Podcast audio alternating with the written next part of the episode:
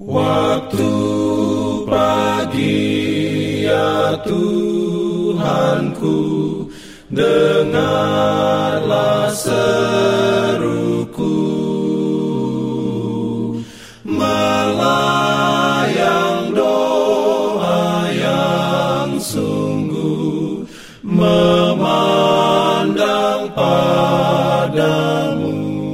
Selamat pagi pendengar Radio Advent Suara Pengharapan. Mari mendengarkan suara Tuhan melalui tulisan pena inspirasi Bersama Allah di waktu fajar. Renungan harian 16 Januari Dengan judul Kita harus mencari dia Ayat inti diambil dari Amsal 8 ayat 17 Firman Tuhan berbunyi, Aku mengasihi orang yang mengasihi aku, dan orang yang tekun mencari aku akan mendapatkan daku. Beroleh rahmatnya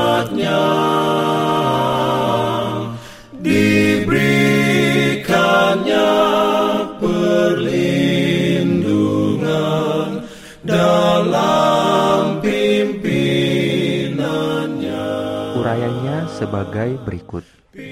Walaupun Allah tidak berdiam dalam kuil-kuil buatan tangan manusia, namun ia menghormati dengan kehadirannya pada perkumpulan umatnya. Ia telah berjanji bahwa apabila mereka datang beramai-ramai mencarinya untuk mengaku dosa-dosanya dan berdoa satu sama lain, ia akan bertemu dengan mereka oleh rohnya. Tetapi barang siapa yang berkumpul untuk menyembah dia, haruslah membuangkan setiap kejahatan, kecuali mereka menyembah dia dalam roh dan kebenaran dan di dalam keindahan kesucian, maka perkumpulan mereka akan percuma. Kita harus berpaling dari ribuan pokok persoalan yang mengundang perhatian. Ada hal-hal yang menghabiskan waktu dan menimbulkan pertanyaan, tetapi berakhir dalam kekosongan. Minat tertinggi menuntut perhatian dan tenaga yang sungguh-sungguh, yang begitu sering diberikan kepada hal-hal yang relatif tidak berarti. Menurut katamu, siapakah Kristus itu? Inilah pertanyaan penting. Apakah engkau menerimanya sebagai juru selamat pribadimu? Kepada semua orang yang akan menerimanya, diberikannya kuasa menjadi anak-anak Allah. Yesus telah menyatakan Allah kepada murid-muridnya dalam satu cara yang menimbulkan satu tugas khusus dalam hati mereka, seperti juga yang ia ingin lakukan dalam hati kita.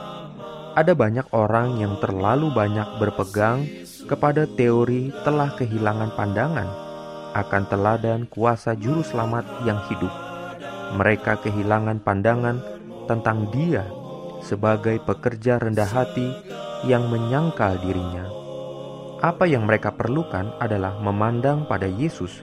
Setiap hari kita memerlukan pernyataan yang segar akan hadiratnya.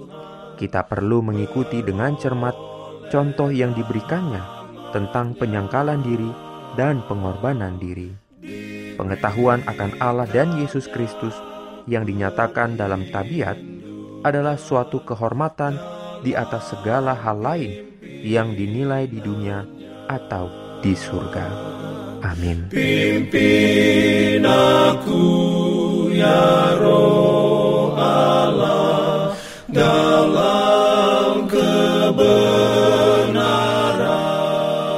Jangan lupa untuk melanjutkan bacaan Alkitab sedunia.